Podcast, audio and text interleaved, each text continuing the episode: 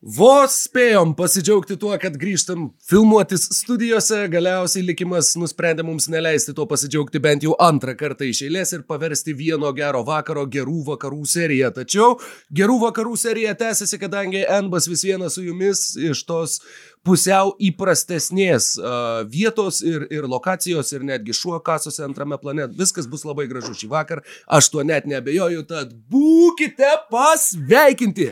Įsijungę 61-ąjį NBO epizodą, su jumis Rokas Grajauskas ir Mykolas Jankaitis ir šiandieną turim uh, masyvų planą uh, savotiškos Galbūt tą galima vadinti nauja rubrika, jeigu tai prilips, kadangi man asmeniškai tai skamba visai įdomi ir aš tikiuosi, kad tą padarysim daugiau negu vieną kartą.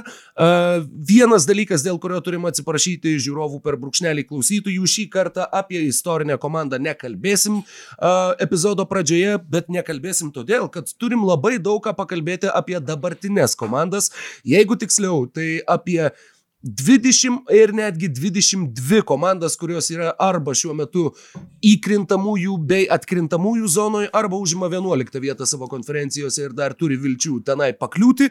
Tad su jumis Rokas Grajauskas, Mykolas Jankaitis, sveikas gyvas Mykolai, kaip tu nusiteikęs šitam epizodui ir kaip tau reikalai klostosi gyvenime pastarosiomis dienomis? O, tai pirmiausia, na, sveikas Rokai, sveiki klausytojai, noriu atsiprašyti, kad, na, vėl štai tokiu formatu mes sugrįžtame į eterį, bet e, svarbiausia sugrįžti tiesiog nesigavo dėja nuvykti iki e, Kauno e, šį antradienį, taip jau darbas ir mokslai man surėdė dalykus.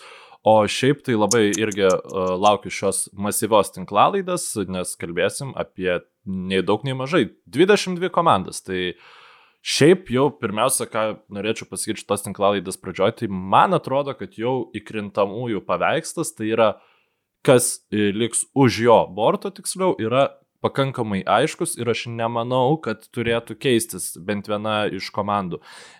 Komandos, kurios papuls į atkrintamasias tiesiogių, tiesioginiu būdu, bei įkrintamųjų, va čia yra turbūt pagrindinis klaustukas.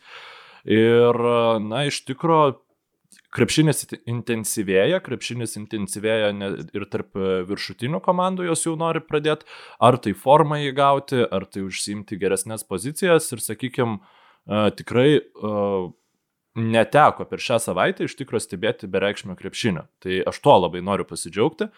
Ir šitoj tinklalaidai turbūt e, kalbėsim tiek apie šį sezoną, tiek apie ateinančius, tiek apie praėjusius. Tai labai žiūrėsim, kaip gausis ir Ar nuo Phoenixo pradedam rokai, ar nuo, ar nuo kurios komandos norėtum pradėti, ar nuo Filadelfijos? Aš prieš tai, prieš tai dar tik tai norėčiau pradėti nuo šiokios tokios įžangos. Buvo nežinau, gal kokie 2014-2015 gal metai. Mes važiavom, atsimenu, su V ir su, su mūsų saksofonistu grot į festivalį Akacijų alėją, kuris yra Virgios Takėno asmeninis festivalis, e, pernelyg nesiplėsiu, nes kitaip jau bus per, pernelyg ilga ta įžanga.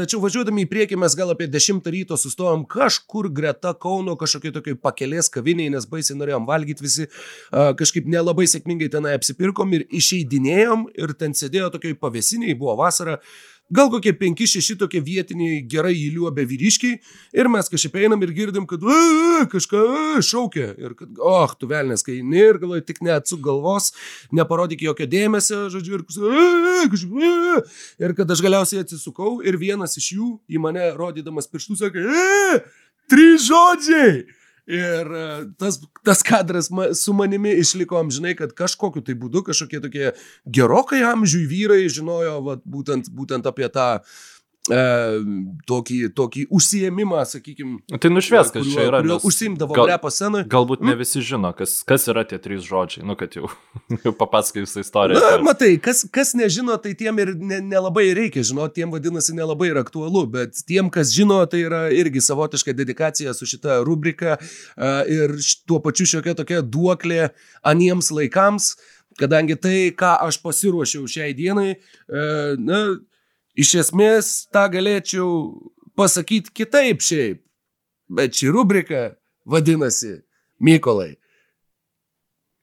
Trys žodžiai. Maniau, kad pasakysi atsakymą, nes tu žinai. Ne, ne. Trys skaičiai, jie, yeah, boj, trys skaičiai yra tai, kuo, kuo užsiimsiu dabar, kadangi trim žodžiais e, jau, jau iki pykinimo nesinori užsiimti, tai galbūt kažkada nudrošim ir šitą formatą iki tiek, kad jis bus įsėdęs iki gyvo kaulo. Tad, Ne. Mykolai, aš turiu apie tas 22 komandas po tris skaičius, kurie man pasirodė kažkuo tai įdomus. Tai gali būti žaidėjų statistika, tai gali būti net nestatistiniai skaičiai, tai gali būti metų skaičiai, tai gali būti, na, žodžiu, kas tik tai nori, kas tik tai užkliuvo man už akies ruošiantis šiai tinklalaidai ir kiekviena komanda turi po savo tris skaičius mano šešių lapų Wordo dokumente. Taip, aš E, manau, ir žinok, važiuoja. Reikia ilgai Tikrai- nevinioti tikrai vatą. Jo, nes- jo, tikrai taip. Tai pirma Tad vairas tavo rankose jo, tai ir aš- Philadelphia 76ers. Taip, jeigu mes Šių važiuojam metų nuo... rytų konferencijos favoritai. Vienintelė, vienintelė komanda, apie kurią, tiksliau, yra dvi komandos, bet jeigu kalbant apie poziciją turnyrinį lentelį, tai yra vienintelė komanda, apie kurią aš galėčiau pasakyti. Aš juk sakiau, jeigu po šio reguliaraus sezono jie bus pirmoje vietoje, Mes e, labai šiaip atsiprašom klausytojų, tiesiog tikrai yra pakankamai vėlus vakaras, tiek man, tiek Rokui buvo diena ganėtinai ilga, tai kad šita tinklalaidė būtų sklandesnė, mes pasidarėm po kavos padelį, bet kadangi žinom, kaip absorbuoja garsus Taip, mūsų pasirodo, mikrofonai.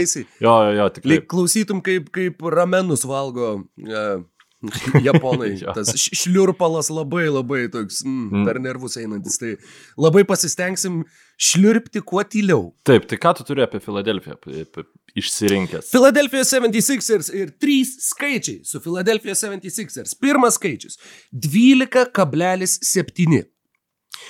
Tiek baudų metimų per 36 minutės vidutiniškai išmeta Joelis Embidas šiame 2020-2021 metų sezone. Absoliutus tokio pobūdžio NBA rekordas priklauso 61-2 metais sezone Viltui Chamberlainui per 36 me minutės metusiam vidutiniškai po 12,6.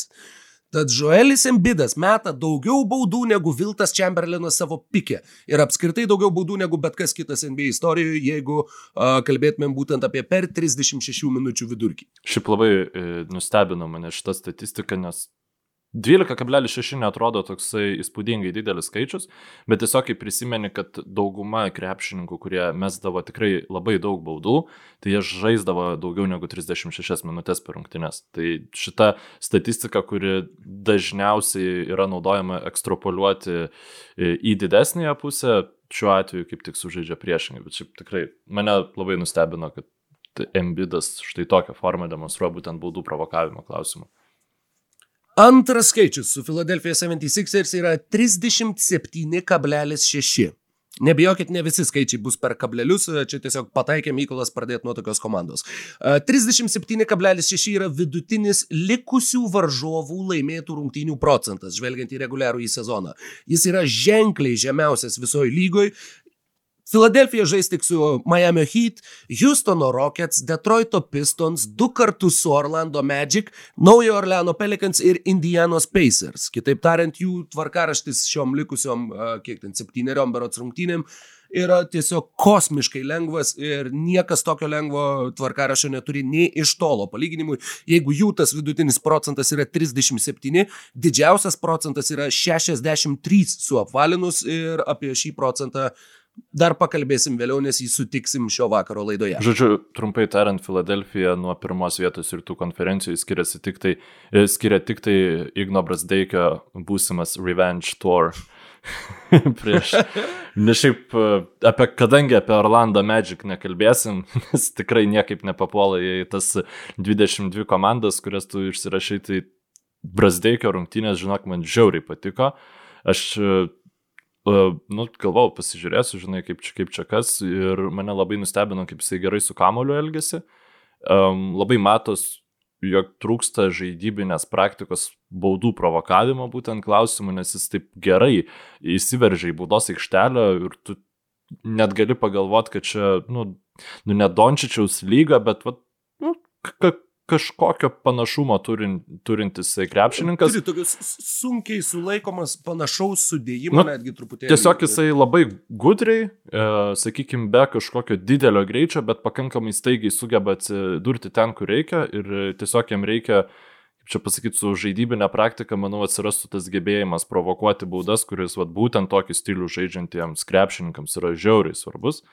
Tai e, aš tikiuosi, kad per ateinančias dešimt dienų Brasdeikis, nu, bent jau kontraktą Eurolygoje tikrai užsigarantuos gero, o galbūt netgi ir NBA kitą sezoną mes jį pamatysim, nes, sakykime, tikrai uh, išsiskyrė, sakykime, iš to įprasto konteksto, kuris būna sudarytas iš krepšininkų, kurie ten visiškai negirdėti žaidžia, tikrai ne, netrodo kaip krepšininkas, kuriam NBA aikštelėje būtų ne vieta. Tai go įgy, labai labai smagu. Galiu tik tai paantrinti viskam, ką pasakėjai, go įgy iš ties. Grįžtant prie Filadelfijos, trečias skaičius ir paskutinysis prie Filadelfijos 76ers yra penki. Arba penktas. Nuo 1970 metų, kai NBA savo divizionus iš esmės pervadino konferencijomis, Filadelfija rytų konferencijos reguliariojo sezono čempionais yra tapę keturis kartus. 76-7 tai buvo pirmas Julius Ervingo sezonas Filadelfijoje ir jie nukeliavo iki finalo ir ten nusileido Bilo Waltono Portlando Trail Blazers. 77-8 jie ir vėl reguliariajame laimėjo rytus, bet konferencijos finale nusileido būsimiems čempionams Washington. Washingtono Bullets. 82-3 metais jie su Mosesu Malonu ir Dr. J laimėjo rytus ir iškovojo čempionų žiedus, o 2000-2001 laimėjo rytus jie su Iversonu nužygiavo iki finalo. Tad penktas kartas potencialiai, kai Filadelfija gali tapti, na tiksliau, na jeigu jie taps, tai taps penktą kartą rytų konferencijos reguliariojo sezono nugalėtojais ir keturi iš ankstiniai buvo bent jau iki konferencijos finalo ir trys iš keturių kartų baigėsi NBA finale, ar pergalingai ar ne. Na, nieko daugiau papildyti, ties Filadelfija ne, negaliu, man visiems žiauriai bus įdomu matyti atkrintamosiose tą komandą, aš vis dar nelabai įsivaizduoju, kaip ten viskas atrodys, ar, ar jinai šaus į viršų, ar, ar sugrius tiesiog kaip kažkodėl aš bijau. Aš manau, kad, kad aš manau, kad jeigu jie liks pirmie, jie ir kelią iki konferencijos finalo turi, na, ne tai, kad labai lengva, bet jeigu bet tu veiksi lengva. kažką, kas, kas laimės įkrintamasis, tada tu žaisi su Knicks Hawks, galimai poros nugalėtojais. Taip, čia šiaip. Kitam konferencijos pusfinalyje Milwaukee su Brooklynu gali kapotis iki, iki paskutinių kraujo lašų. Tai uh, Tuo atžvilgiu Filadelfija turi visai neblogas e, perspektyvas ir būtent užimti pirmą vietą jiems yra žvėriškai svarbu šitame sezone. Aš visiškai antrinu ir manau, mes galim keliauti prie Bruklino Nets komandos, nes e, tai kaip jie su kokia aistra ir e, su kiek energijos kovėsi prieš Milwaukee Bucks pastarosiuose dviejose jų tarpusavio rungtynėse, kurios vyko viena po kitos. Ir tikrai, na, nėra įprasta reguliariame sezone matyti tokias atkaklias rungtynes, ypač jau taip arti atkrintamųjų, e, kuomet komandos dažniausiai tausoja savo lyderius, tačiau akivaizdu, kad Bruklinas labai norėjo tos pirmos vietos, nes jo palyginkim maršrutą link rytų konferencijos finalo, tai Bruklinui, sakykime, jisai galimai nusimato toksai, Bostonas ir tada arba, tada, arba Milvokis, arba Miamis, kas irgi nėra, sakykime, net jei Miamis laimėtų prieš Milvokį, reiškia, jie vėl sugrįžo į tą savo e, zen zoną, kurią turėjo praeitam burbulė, tai būtų beprotiškai sunkus maršrutas iki rytų konferencijos finalo. Aš tikrai pritariu, kad Filadelfijai pirma vieta užtikrintų, kad finalą jie pasiektų uh, ne tik, kad... E, konferencijos finalą. Taip, konferencijos finalą, ne? ne tik, kad jie mhm. pasiektų, bet pasiektų pakankamai geros fizinės formos. Na, žinai, negalim šimtų procentų nurašyti, kad ir tų pačių Niksų. Galbūt Niksai bus šio, šio sezono Miami Heat ir, ir pateiks, žodžiu, staigmenų ir netikėtumų. Bet bent jau teoriškai, bent jau šioje sezono dalyje, va šiandien atrodo, kad taip, kad likt pirmam yra labai labai didelis prizas rytuose. tai ką tu turi apie Brukliną? Antroje vietoje žengiantys Bruklino Nets. Pirmas skaičius yra 27. Tiek žaidėjų šiame sezone bent vienose rungtynėse atstovavo Bruklino Nets. Nuo daugiausiai iki mažiausiai žmonių, kurie sužaidė rungtynių už Brukliną, sąrašas skamba šitaip. Joe Harrisas, Jeffas Greenas, Briusas Braunas, Deandre Jordanas, Landry Šemetas, Timotė Luavu Cabarau, Kairi Irvingas, Tyleris Johnsonas, Jamesas Hardenas, Kevinas Durantas, Nikas Klakstonas, Reggie Perry, Krisas Čioza, Blake'as Griffinas, Alize Johnsonas, Kerisas Levertas, Jaretas Alanas, Torianas Princas, Maikas Jamesas, Lamarkusas Aldridge'as, Andre Robertsonas, Rodionas Kurucas, Tyleris Kukas, Noah Vonlė, Spenceris Dinvidį, Norvelas Pelas ir Imanas Šampertas. 27 žaidėjai šiam sezone atstovavo Bruklino Nets. O toliau? Ne, ne Toliau, žaidėjai, toliau kokie faktas. E, Pakankamai. Taip, taip, e, gerai, koks kitas skaičius? E, Kitas skaičius yra 3. Tai yra 3 komandos draugai, kurie Bruklino Nets renka po 25 taškus per rungtynės bent jau šiame sezone.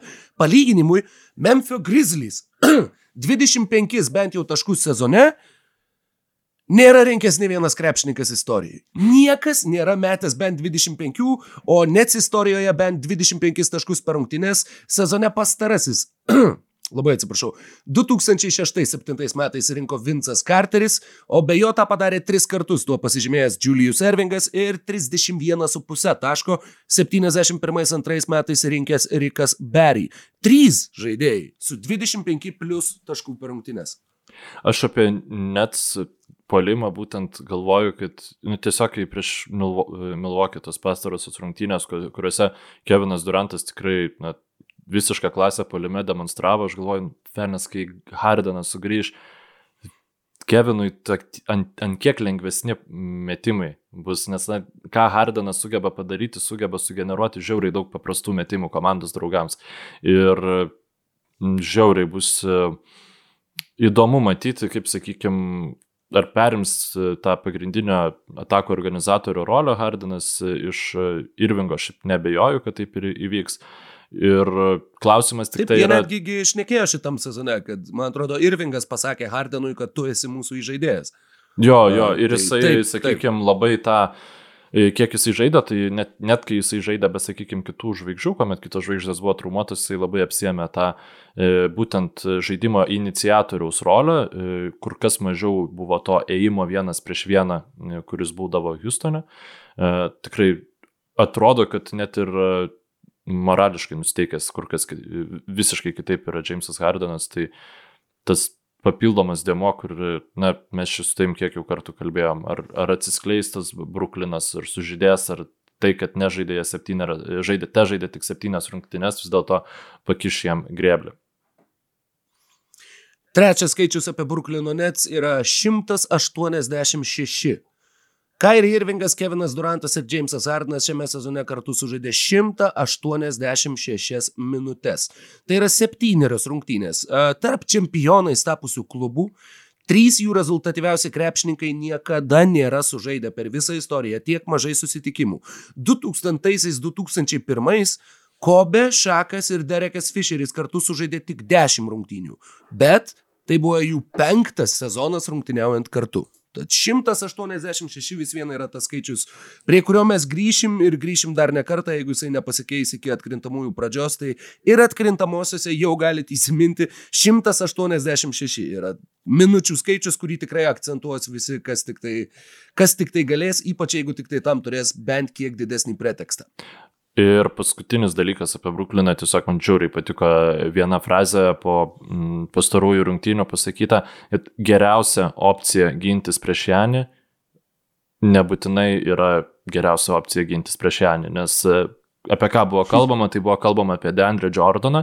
Jeigu jis tiesiog vakume yra geriausiai prieš Janį komandai besiginantis krepšininkas, nes e, Kevinas Durantas juo nebėra, Kevinas Durantas e, per savo reabilitacijos procesą numetė pakankamai nemažai svorio, sakykime, tam, kad turbūt išsaugotų savo atletiškumą polime, tačiau gynyboje jis tikrai yra pastebimai silpnesnis negu, fiziškai silpnesnis negu buvo, pavyzdžiui, Golden State Warriors e, gretose, kuomet jisai žaidė ir, sakykime, ir penktą poziciją kartais pagindavo.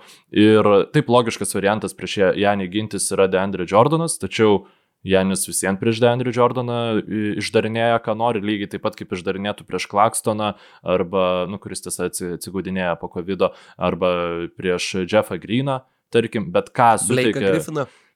Mm, Taip, e, bet ką suteikia Deandre Jordanas, kaip ir Blake'as Griffinas, iš tikrųjų, jis suteikia galim, e, opciją Brukui Lopezui slėptis gynyboje.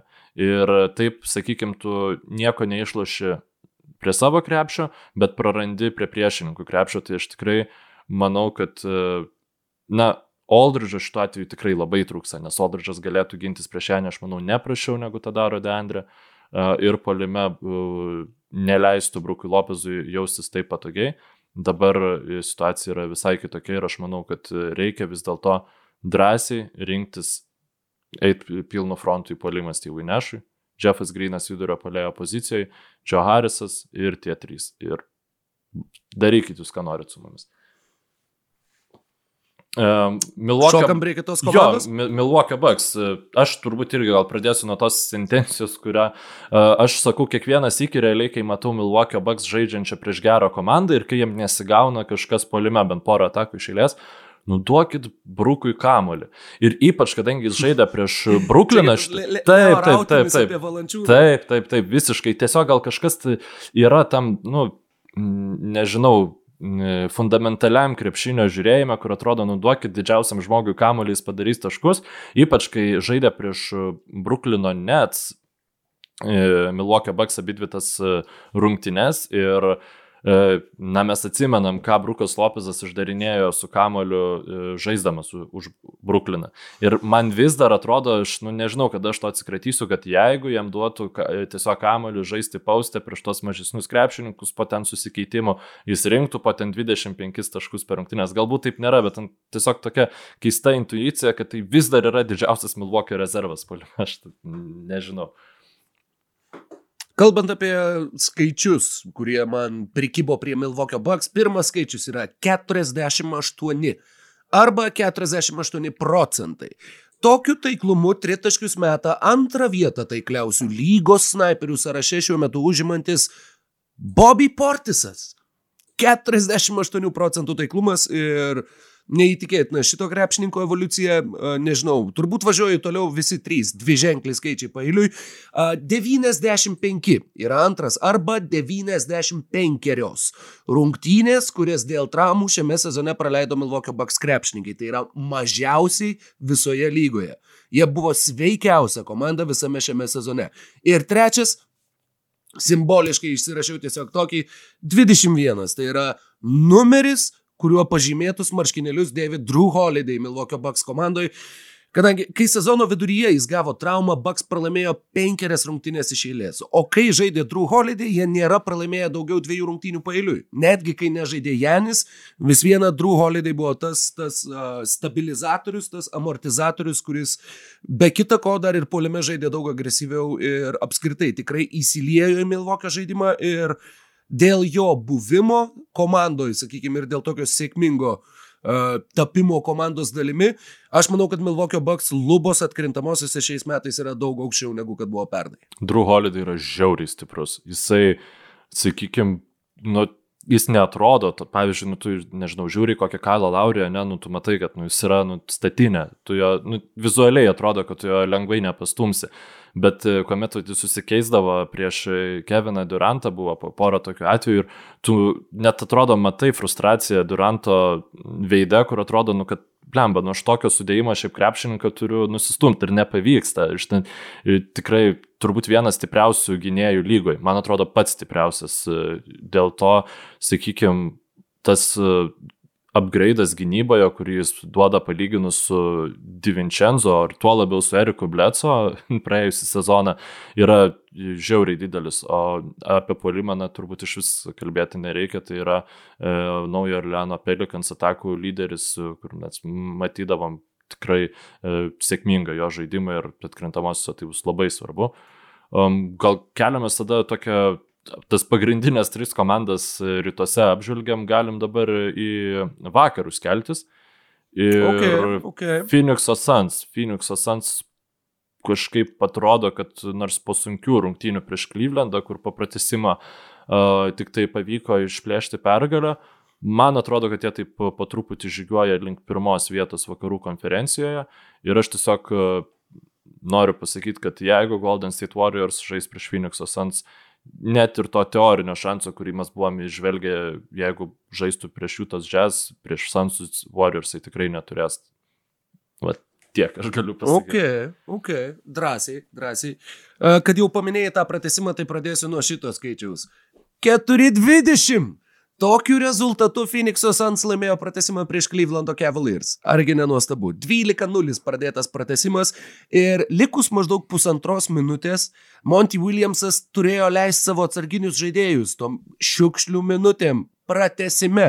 Atrodė, jog jie tiesiog taip susinervino, kad nelaimėjo pa per pagrindinį laiką, kad užspaudė, uždaužė ir visiškai, visiškai dominavo būtent per tas papildomas 4-25 minutės. 18,5 yra antras skaičius, tiek baudų Phoenix'o Suns meta per rungtynes. Mažiau visoje lygoje meta tik tai Chicago's Bulls. Ir trečias skaičius yra, na jau iš vis, mažytė trupmena 0,197. Tai yra kaip čia pasakyti, pergalių indėlis per 48 minutės arba win shares per 48, kurį šiame sezone fiksuoja Krisas Polas. Tai yra šeštas produktyviausias bent jau 35 metų gynėjo sezonas NBA istorijoje. Geresnius užfiksavo tik tai keturis tokius sezonus sužaidęs Jonas Stocktonas ir 2006-2007 metais San Antonijaus Spurs tą padaręs Brentas Barry. Nesitikėjau pamatyti jo, šitos pavardės čia. Pri, esu, jisai. Esu priblokštas tikrai išgirdęs šitą Taip, pavardę. 35 Na, metų buvo, buvo produktyvesnis negu Krisas Polas yra dabar. Kažkas neįtikėtina. Bet Kriso Polo produktyvumą taip pat uh, puikiai iliustruoja ir, ir šitas statistinis skaičius. Jo, Polas yra absoliutus Nežinau, kiekvienais metais, jeigu mes turim Lebroną, kuris pa paneigia senėjimo dėsnius, tai Polas, gal net sakyčiau, gal net labiau, nes, nu, Lebronas tiesiog yra žiauriai didelis ir tu ne, ne, nesvarbu, žinai, ar senas būsi ar ne, bet tu visiems išliksi žiauriai didelis, o Polo jau pra, pradėkim, kad e, fizinės savybės krepšininkų, nu, jas ne, nėra jis ten žiauriai apdovanotas, visiems yra nu, labai žemas ir e, nežaidžia taip ilgai tokie žemi krepšininkai lygiai kaip Krisas Polas, nu, su tam tikrom išimtim, tai um, tikrai Nu, nuostabu. Ir, ir dar kitą sezoną vėl turbūt e, nerealiai varys e, Krisas, tai žiauriai gerai čia Phoenixas sužaidė. O dėl tos jų pergalės, tai e, prieš rungtynes, kofici, ne koficijantas, bet tas laimėjimo plus minus, kur duoda lažybų mhm. kontoros, nu, maždaug. Spread. Jos spreadas buvo 12,5. Tai jeigu tu statai lažybų kontorui, kuri fiksuoja galutinį rezultatą, o ne 48 minučių rezultatą, nepaisant to, kad viskas nuėjo pratesimą, tu visiems būtum e, laimėjęs. Tai kažkur mačiau statistiką, kad tai yra didžiausias tokio tipo spredas į, į, įvykęs po pratesimą. Žodžiu, nu, e, keista statistika. Įspūdinga, įspūdinga. Na, kitaip tariant, vienas didžiausių skirtumų, kuriais buvo laimėtas pratesimas. Jo, jo. E, iš, iš, išvertus į e, žmonių nesusijusių su lažybomis kalbą. Ką apie Jutą turi? Jutos Jazz pirmas skaičius yra 43,2. Tiek tritaškių per rungtynės vidutiniškai šiame sezone išmeta Jutos Jazz. Pernai metė lygiai 8 mažiau - 35,2. Tad milžiniškas šuolis ir tikrai didelis uh, puolimo stilistikos pokytis. Nuo 1996, kiek yra prieinama tokio pobūdžio statistika, Jutos klubas niekada nebuvo daugiausiai tritaškių lygoje metančią komandą.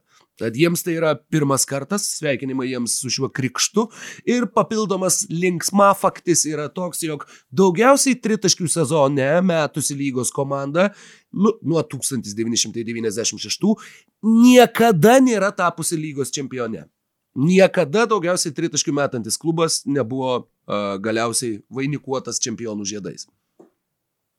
Na, turbūt taip ir bus ir šiemet, jeigu reiktų spėti, nors iš tikrųjų, um, taip sakykime, pagrindiniai vakarų konferencijos favoritai šlubuoja, tai galbūt e, Jūta gali pasinaudoti tą progą, bent jau iki finalo nukeliauti. Čia labai bus įdomu. Pratesant štai, štai va, va šitą va būtent poziciją, 38 yra antras skaičius, 38 yra procentinė tikimybė, kurią TheRinger.com suteikia Jutos Jazz tapti NBA čempionais antrą, trečią, ketvirtą vietas dalinasi Phoenix'o Suns, Philadelphia 76ers ir Milwaukee Bucks. Visi trys turintys po 13 procentų, uh, 13 procentų tikimybę. Tad Jutus Jazz yra ne tik favoritai, bet yra, jų tikimybė yra laikoma tokia pat didelė kaip vienai iš šitų trijų komandų tapti čempione. Tad uh, tikrai nustebino tai, kad tokiais ryškiais favoritais pagal savo simulacijas ir skaičiavimus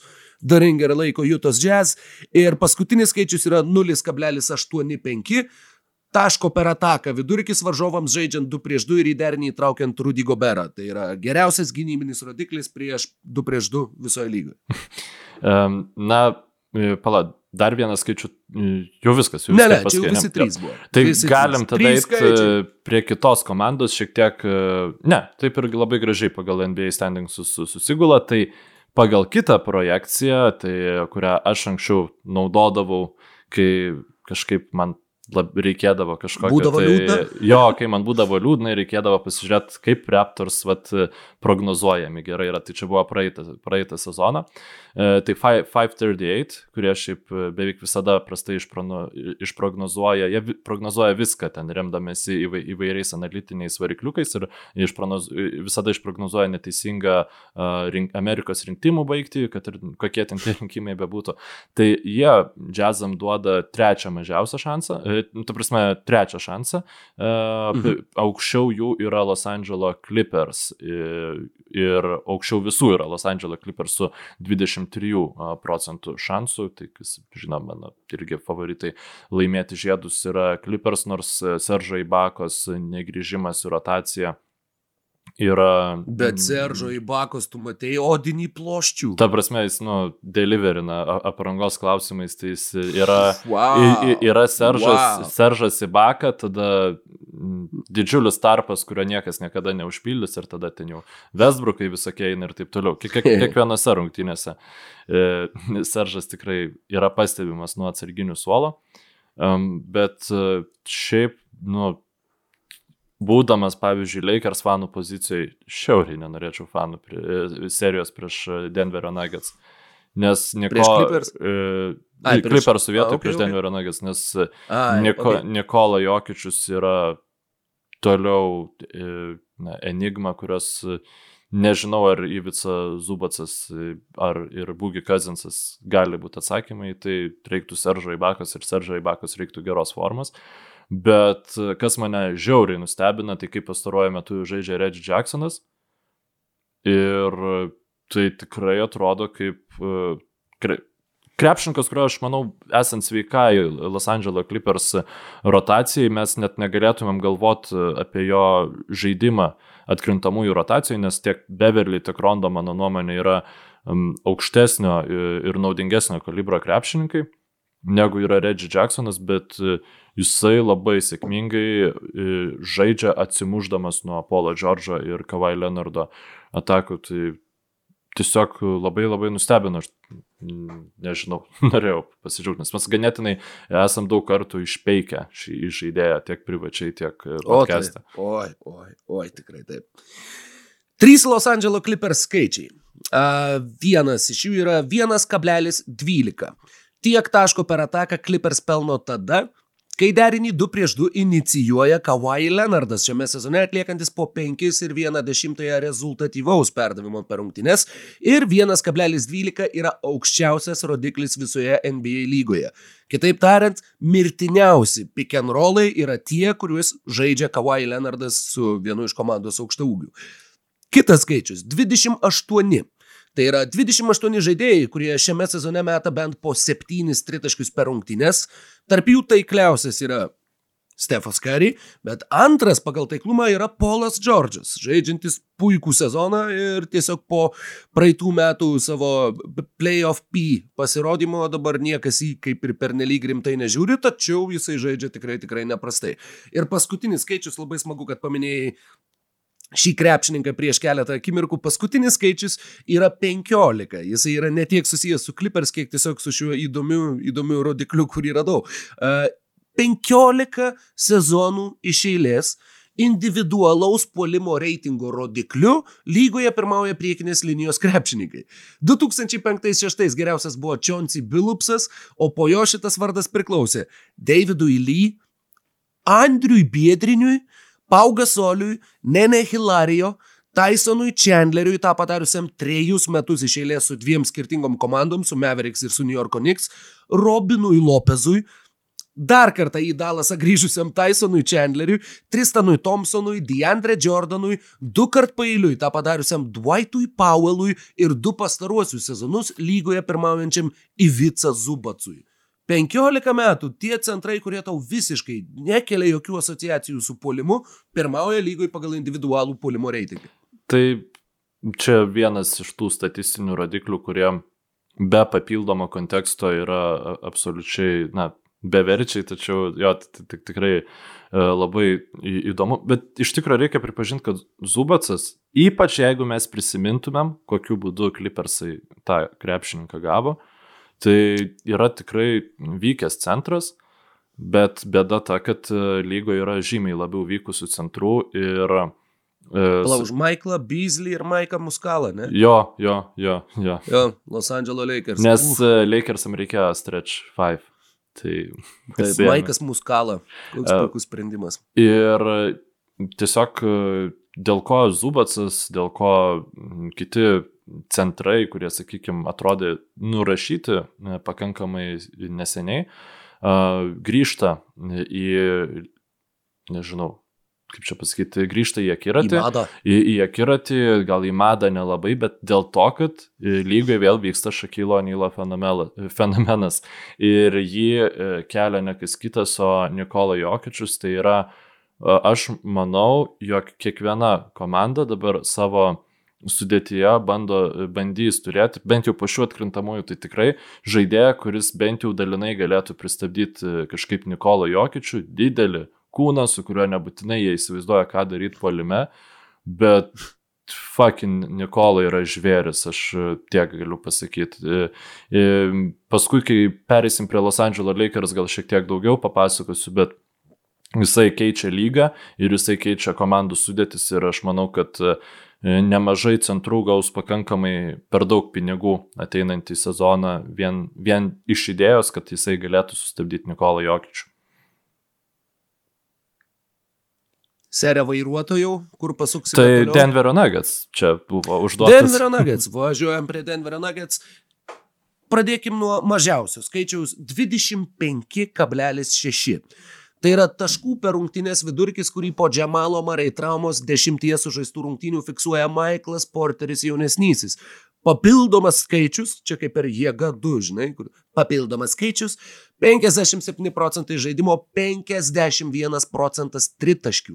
Tai yra mirtinai šiuo metu žaidžiantis krepšininkas, kuris štai kaip atsiskleidžia ir tampa dar vienu iš tų Denverio uh, loterijos bilietų, kuriuos jie ištraukė už loterijos ribų, galima galbūt išsireikšti šitaip.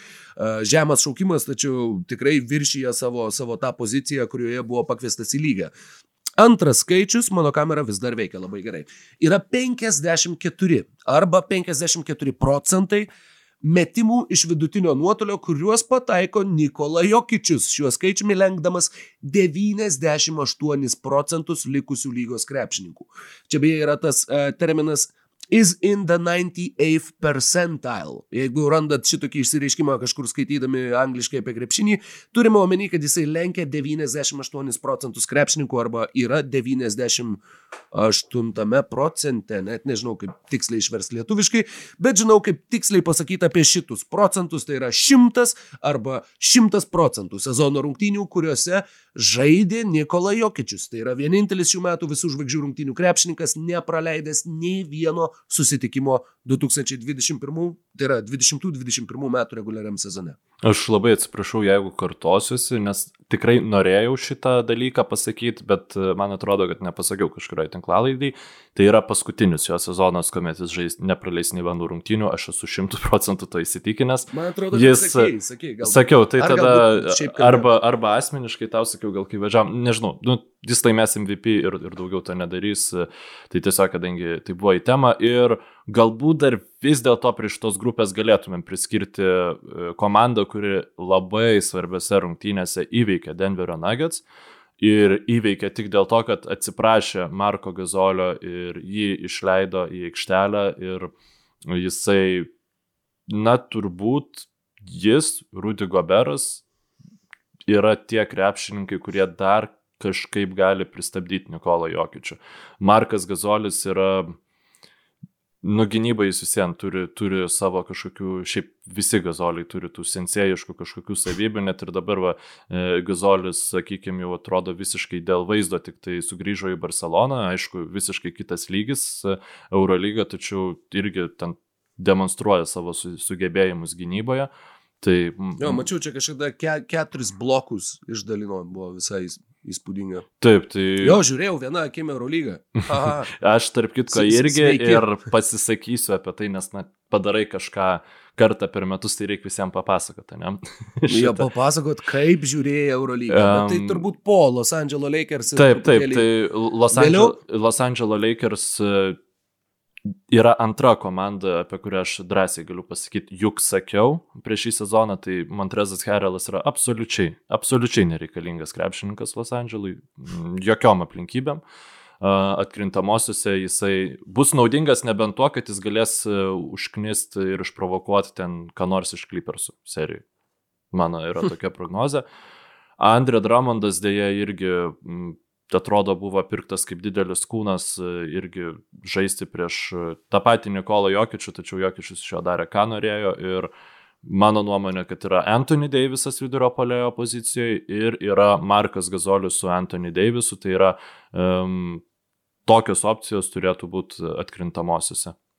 Žodžiu, nes... Ypač prieš Nuggets, aš, aš tikrai sutikčiau a, su šia prezumpcija. A, ką tik šnekėjom apie Nuggets, ką tik šnekėjom apie 100 procentų, Los Angeles Lakers pirmas skaičius yra 100 arba 100 procentų, tačiau tai yra skaičius, kurį kalbėdamas apie savo reabilitaciją paminėjo Lebronas Jamesas. Citata buvo tokia. Tai neįmanoma. Aš nemanau, kad aš savo karjeroje kada nors grįšiu iki 100 procentų savo pajėgumo. Ir tai toks labai labai daug svorio turintis uh, pasisakymas ir taip labai privertęs kilstelėti antakius perskaičius, kad wow, negi ką tik Lebronas pasakė, kad mes jau tokio Lebrono nebematysim, kokį esame įpratę matyti, bet galbūt tai apsidraudimas nuo, nuo irgi kažkokios nesėkmės įkrintamosiose. Pavyzdžiui, vakar beje pasirodė informacija, kad Lebronas gali praleisti dar keletą susitikimų dėl savo čiurnos, kad jisai susiduria su sunkumais, kai bando stipriau atsispirti, kai bando uh, greičiau kirsti link krepšio ir kad na, jo sveikatos būklė tikrai nėra tobula ir tokioje sezono stadijoje tai yra tiesiog košmariškos naujienos Lakeriam. Uh, kitas skaičius yra dvigubas skaičius, tai yra 21-6. Toks buvo jų rezultatas sužaidus 3 aštuntadalius sezono ir jie pirmavo vakarų konferencijoje. Nuo tada Lakers rezultatas yra 16-22. Ir paskutinis skaičius yra 25 arba 25 procentai Daringer skaičiavimais, kad mes išvysime Los Angeles Lakers įkrintamosiose varžybose. Mane šiaip neramina Anthony Daviso e, kūno kalba, čia grįžus po traumos, sakykime, aikštelėje tikrai, nu, sakykime, jis netrodo e, motivuotas parodyti, kad aš grįžau, aš galiu pasimti šitą komandą ant savęs ir, sakykime, gražinti ją į formą prieš e, prasidedant atkrintamosiom, išvengti tų įkrintamųjų, dėl kurių čia Lebronas labai tulžylėja. Šiaip dieve, kiek jisai tulžies išlėjo grįžęs po traumos, net nemalonu šiek tiek, kad geriausias lygos krepšininkas iš tikrųjų tiek skundžiasi. Jis realiai tiek daug skundžias, kad mes net pripratom visi. aš, aš tikrai, aš anksčiau žiauriai, ne, ten paauglystai, nu, nemėgdavau Lebrono, nes buvo populiaru nemėgti Lebrono, galiausiai tu pradedi vertinti tiesiog jį kaip krepšininką, kad jis yra nuostabaus talento savininkas, kaip jisai gerai mato aikštę ir tiesiog daro krepšinį tuo nuostabiu sportu, kurį tu myli žiūrėti, bet kiek jisai skundžias ten tu prasme, dėl, irgi grįžo dabar po, dėl menkiausių prisilietimų, žiūri tos teisėjus, nu kodėl jūs čia leidžiat kitiem prieš mane bauduotis ir, ir taip toliau. Nu, toksai, žodžiu, šiek tiek Mažai, gal, gal tikrai jis nesijaučia šimtų procentų ir bando kažkaip kitaip kompensuoti, bet ja. labai norėtųsi, kad vie, atsigautų. Vienas tik tai dalykas dar baigiant šitą temą, paminėjai tuos skundus, daug kas, na, sakykime, kai buvo ta situacija su Mavericks, kai Mavericksai skundėsi ir Dončičius, ir Cubanas, kad vat, šitas turnyras nesąmonė, e, ten buvo galima tą sakyti, šituo atveju, kai Lebronas skundėsi, mes jau nebegalim sakyti, kad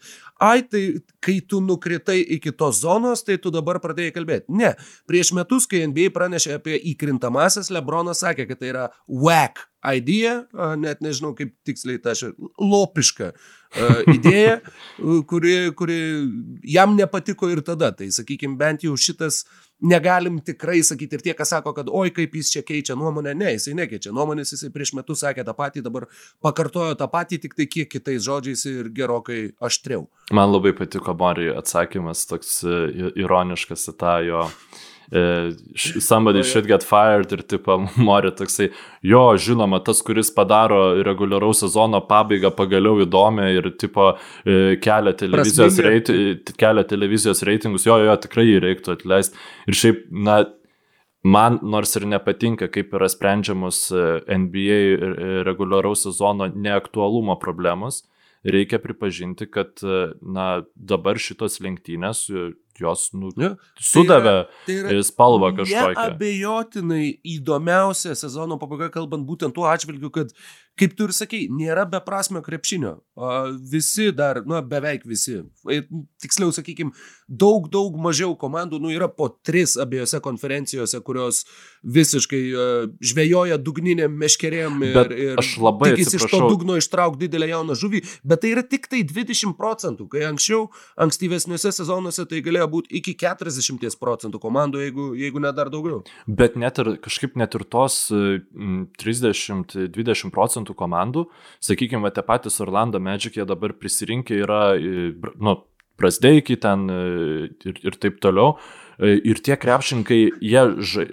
Labai nu, iš, išsamus. Nu, aš, aš neatsimenu, Wagneris dar va, šitą, jie nori įrodyti, kad jie gali žaisti ir kai jie žaidžia prieš komandas, kuriuom rūpi pergalę, e, tas jų geras žaidimas, jisai įgauna žymiai kitokį kontekstą. Raptorsų e, suolas, e, visas puikus pavyzdys, tie patys Indianos Pacers ten, nu, bet Pacers visiškai kitos priežastys. Tačiau jo, jo, jo, De Detroito Pistons Hamidų Dialo kokį mašą sužaidė. Šakės, 37 taškai. 35. Jo, 30, ne, 35, tu esi. 11 iš 15 esi... žaidimo ar kažkas panašaus. Jo, jo, tu, tu esi teisus. Kevino Porterio jaunesniojo 50 taškų, tai čia irgi, nu, yra e, tikrai tokių momentų mes matom ganėtinai nemažai. Ir aš, pavyzdžiui, turiu prisipažinti, kad aš ne, nu, neturiu nuomonės e, e tvirtos dėl šitų įkrintamųjų formato. E, man jos ir nepatinka, ir patinka vienu metu. Tai kažkas man tai visiškai tai patinka. Aš, esu, prasme, aš, aš, aš nematau kažkokio minuso, aš nematau kontrargumentų. Tai ką dabar Lakers va bus išsitraumavę ir gaus ir neišeis į atkrintamasis, nu tai ir gerai, tai o koks skirtumas. Tai Tu tiesiog nepraėjai, buvo tokios sąlygos, tu jų neišpildėjai, va ir viskas. Bet to plus, jeigu jūs išsitraumavę, nu, tai jūs ir nepraeitumėt tada to pirmo etapo. Ar, ar jeigu ten nežais Lebronas ir žais Anthony Davisas su pusantros kojos, tai, nu, tai, tai, ta prasme, nu, kad, sakau, aš, aš nerandu kontrargumentų, kodėl yra negerai šitas įkrintamųjų turnyras. Negerai, Plius, dėl to. Jo dar net nebuvo. Tu įsivaizduoji, kokios tos rungtynės bus. Tai bus kaip ketvirtfinaliai uh, olimpinėse. Tai bus, bus kaip nu, maksimali kaina. Minnesotos Timberwolves prieš Denverio Nuggets, kur mm -hmm. šiauriai daug žmonių e, žiūrėjo tas rungtynės, tai tiesiog buvo, kas nežino apie ką kalbu, ne, nepaisant to, kad labai dažnai atšaukiu iš tas rungtynės, tai prieš tris metus, prieš tris metus ar, ar keturis. Gal prieš keturis. Aš galvoju, ar 19 ar 18. Mm, Gal man, 18, man atrodo, kad prieš keturis metus vis dėlto tai buvo. 18, ne, tai bus prieš trejus metus, nes 18-19 prasidėjo sezonas su Butlerio e, tuo santykių konfliktų Minnesotoje ir tada jis atsidūrė e, Filadelfijoje ir tada jis žaidė tą 19 metų seriją su Kawai metimu su Sirena.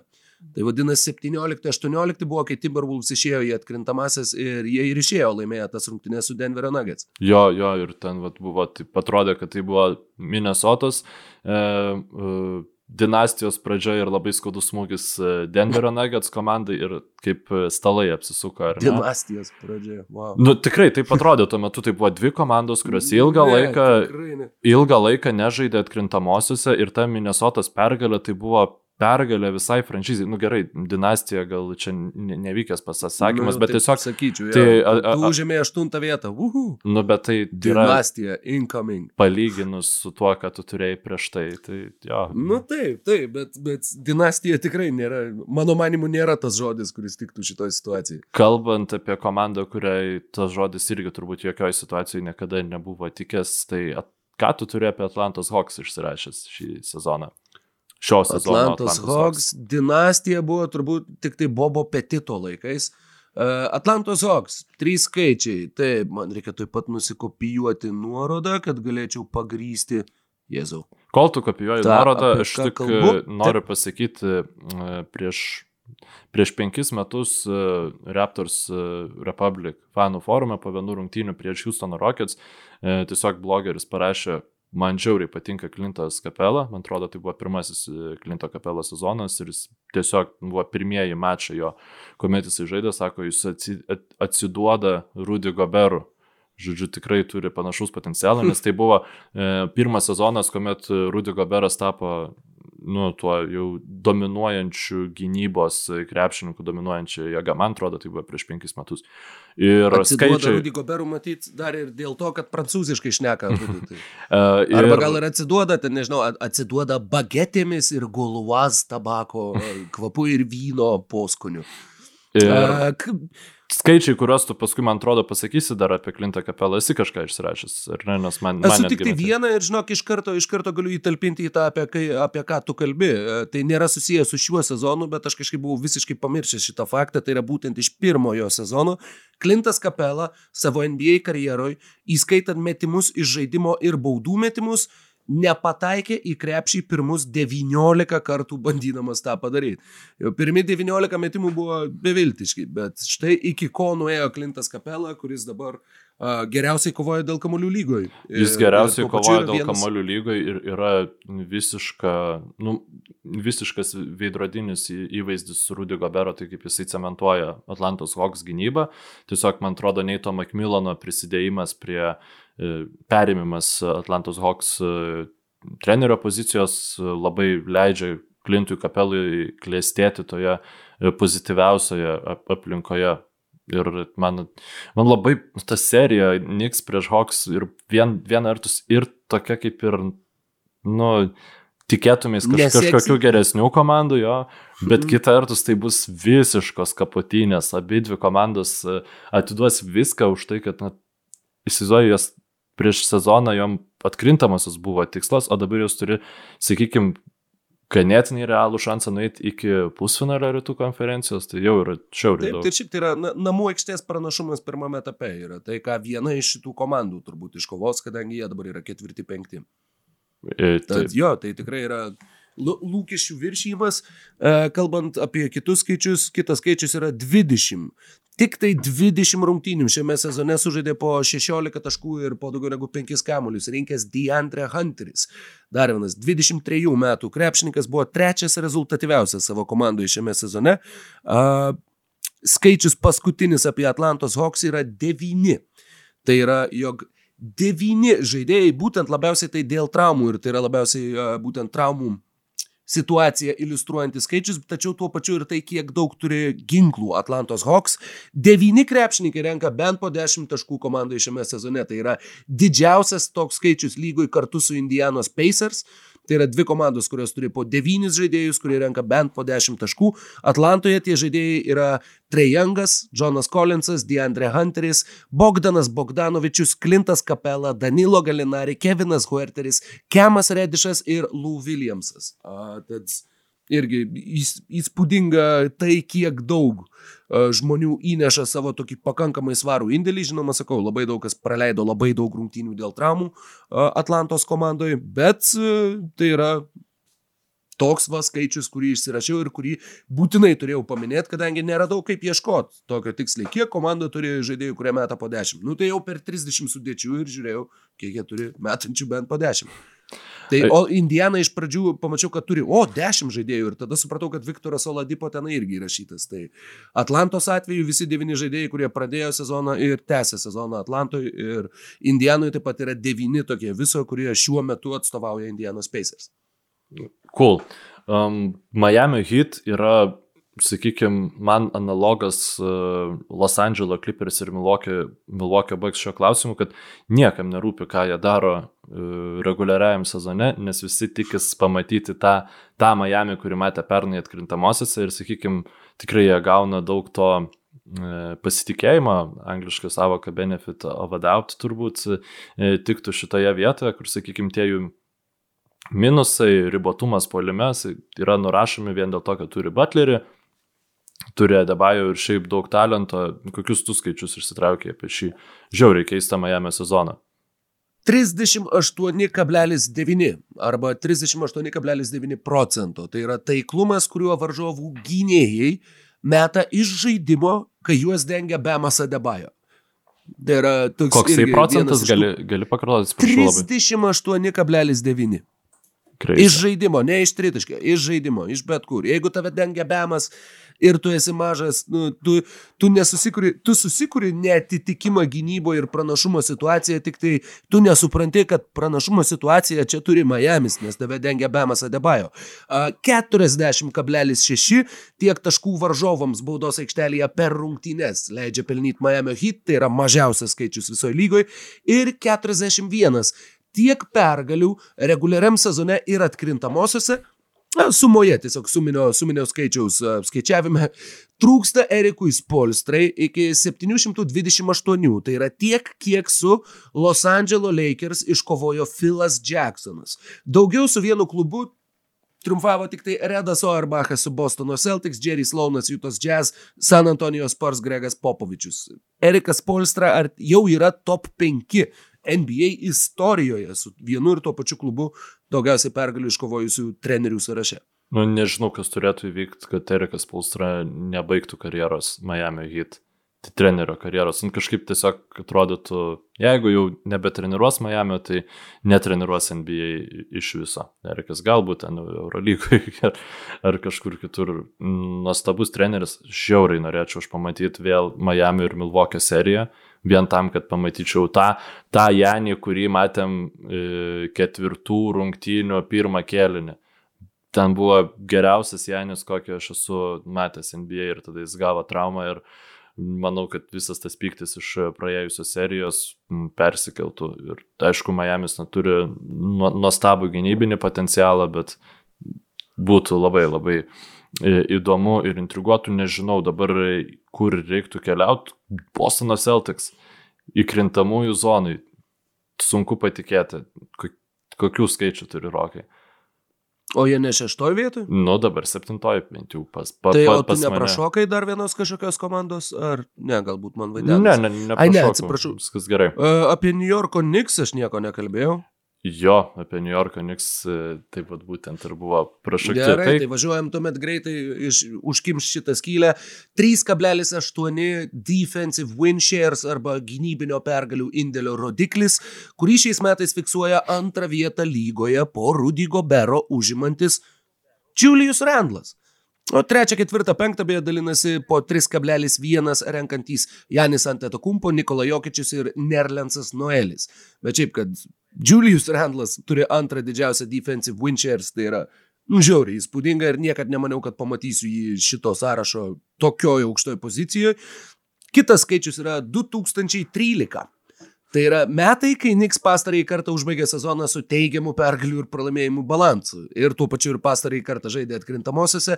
Ta teigiamą balansą jie jau yra užsitikrinę, atkrintamosiose vietą jau faktiškai beveik taip pat, tačiau matematiškai jie dar neturi tos žvaigždutės greta savo pavadinimo turnyro lenteliai. Ir paskutinis skaičius yra 30,7 Tai ir vėl apie Juliusą Randlą, tai yra jo per pastarąsias 10 rungtynių fiksuojamas rezultatyvumo vidurkis. Per pastarąsias 10 rungtynių daugiau meta tik tai 0,1 daugiau metantis Bradley Bylas ir Stefas Curry metantis po 35,5. Tad 30,7 Julius Randle ir papildomas skaičius 53 procentai tritaškių.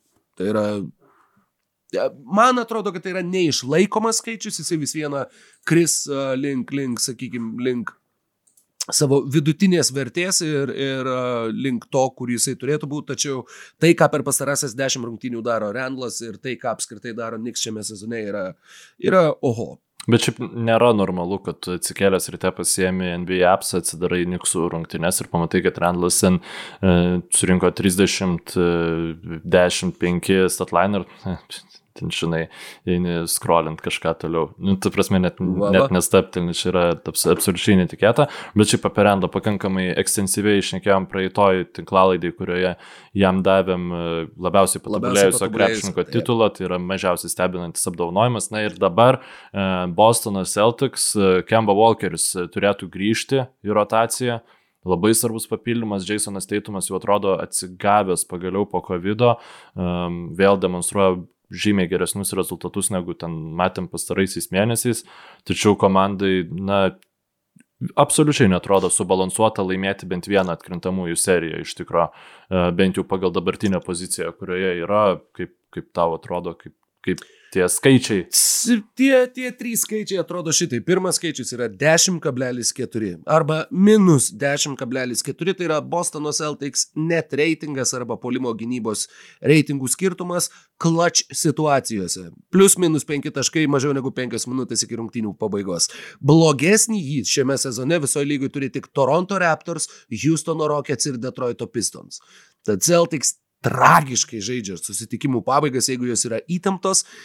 52 Tai yra procentas, kiek Bostono Celtics laimėjo rungtynių šiame sezone ir kol kas tai yra žemiausias Bredo Stevenso rodiklis nuo jo pirmų dviejų sezonų Bostone, kuriuose produktyviausiais komandos krepšininkais pagal pergalių indėlį tapo Brandonas Besas ir Tyleris Zelleris.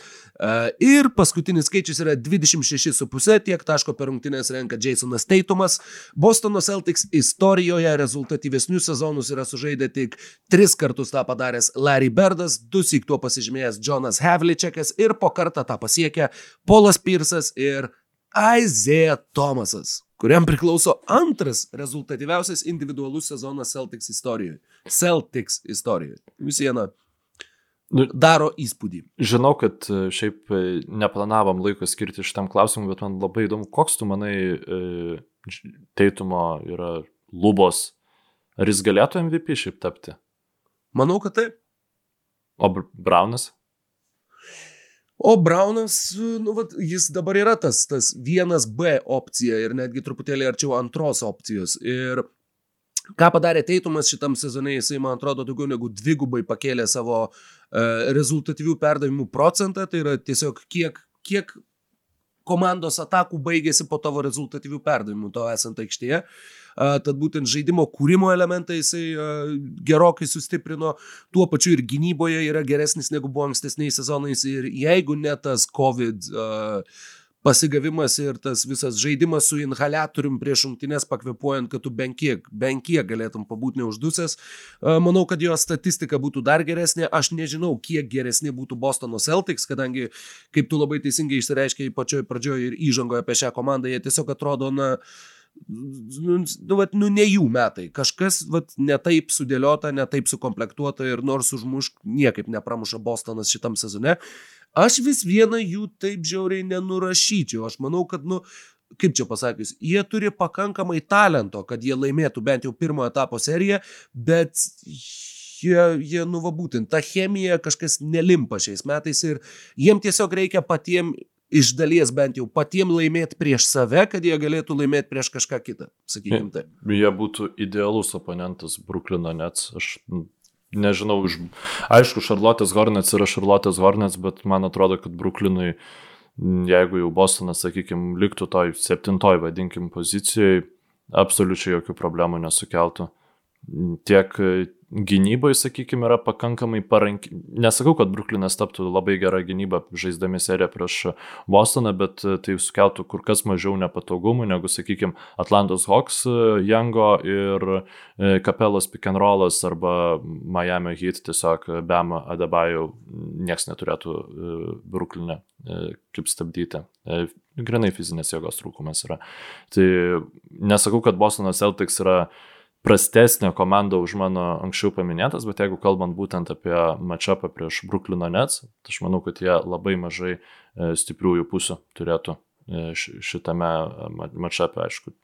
Galima teisti mane, bet e, keliaukim gal tada į vakarus. Delas Mavericks gal ir nepelnytai nepaminėjau prie to rimtesnių komandų blokelio, kuomet kalbėjom vakarų konferencijų. Čia toksai um, paslėptas ir komandų suvertinimas gaunasi, ar, ar ne šitas mūsų podcastas, bet uh, šiaip... Nu, savotiškai čia vertini tu, aš tik tai remiuosi skaičiais. Uh, nus, nusimato Dalasui arba seriją prieš Denverio Nuggets, jeigu pagal dabartinę uh, lentelę, kas nu, būtų, aš nežinau, turbūt žiūrimiausia atkrintamųjų serija Liet, Lietuvoje, kokia buvo. Europoje. Nu, e, Europai tai, tai be abejonės, bet aš manau, kad net ir Lietuvoje nuo, nuo Sabonio turbūt e, laikų niekas e, taip aktyviai nebūtų nuo Arvido Sabonio laikų, nes kažkaip, mhm. na, val, valančiūną vis vien, visi žinodavo, kad jisai ten nežaistose paskutinėse, paskutinėse keliniuose. Bet, bet žiūrėdavo, nu, aš nežinau, nežinau, matai, skaičių prieš savo akis neturiu, tai negaliu pasakyti. Atsiprašau, pirmo rando, pirmo rando serija būtų žiūrimiausia. A. Ne, ne, ne, ne, A, aplamai okay, supratau, okay, okay. kad to nepasakiau. O jeigu būtų prieš Clippers, tai irgi tiesiog džiauriai mm, daug nes... Keršto, keršto serija. Nesuvestų sąskaitų, bet nu, labai neramina Porzingio fizinę formą ir tas jo lietumas. Tiesiog tikrai atrodo smarkiai sulėtėjęs Latvijos.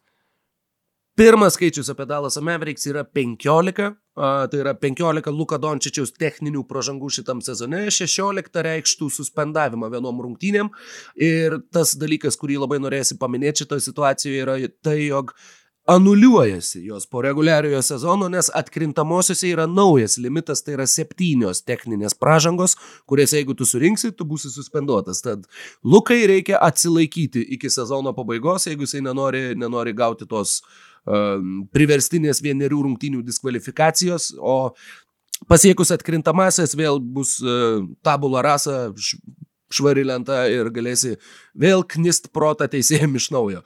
Antras skaičius yra 3 arba trečias. Luka Dončičius paklius į vieną iš simbolinių geriausių žaidėjų penketukų šitam sezone arba į vieną iš All NBA komandų, tai yra faktas.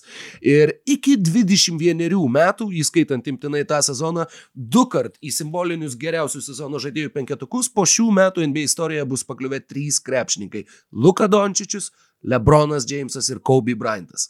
Ir paskutinis skaičius yra 27, šitas skaičius jau labiau apie komandą, tai yra 27 šiame sezone panaudoti skirtingi Dallaso Mavericks starto penketai.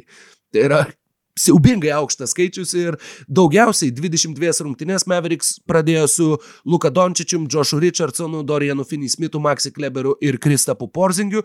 Ir šito penketo rezultatas, ar tiksliau komandos rezultatas tose 22 rungtynėse yra 16-6.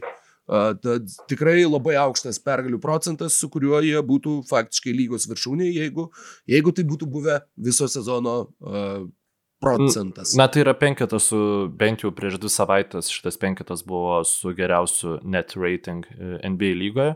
Nežinau, kokia, neišsėmiau statistikos, kokia yra dabar, bet tai tikrai yra labai gerai susižaidęs, labai gerai vienas kitą e, jaučiantis penketas ir, na, šiaip Luka Dončičius at, atkrintamosiose bus, bus rimtas reginys, aš to nekiek nebejoju.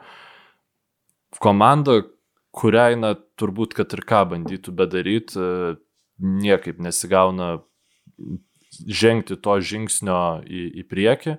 Rimtesnio yra part, sakykime, aplinkybių dėka e, sukritusio, e, sėkmingai e, aplinkybių dėka sukritusio atkrintamųjų prieš du metus.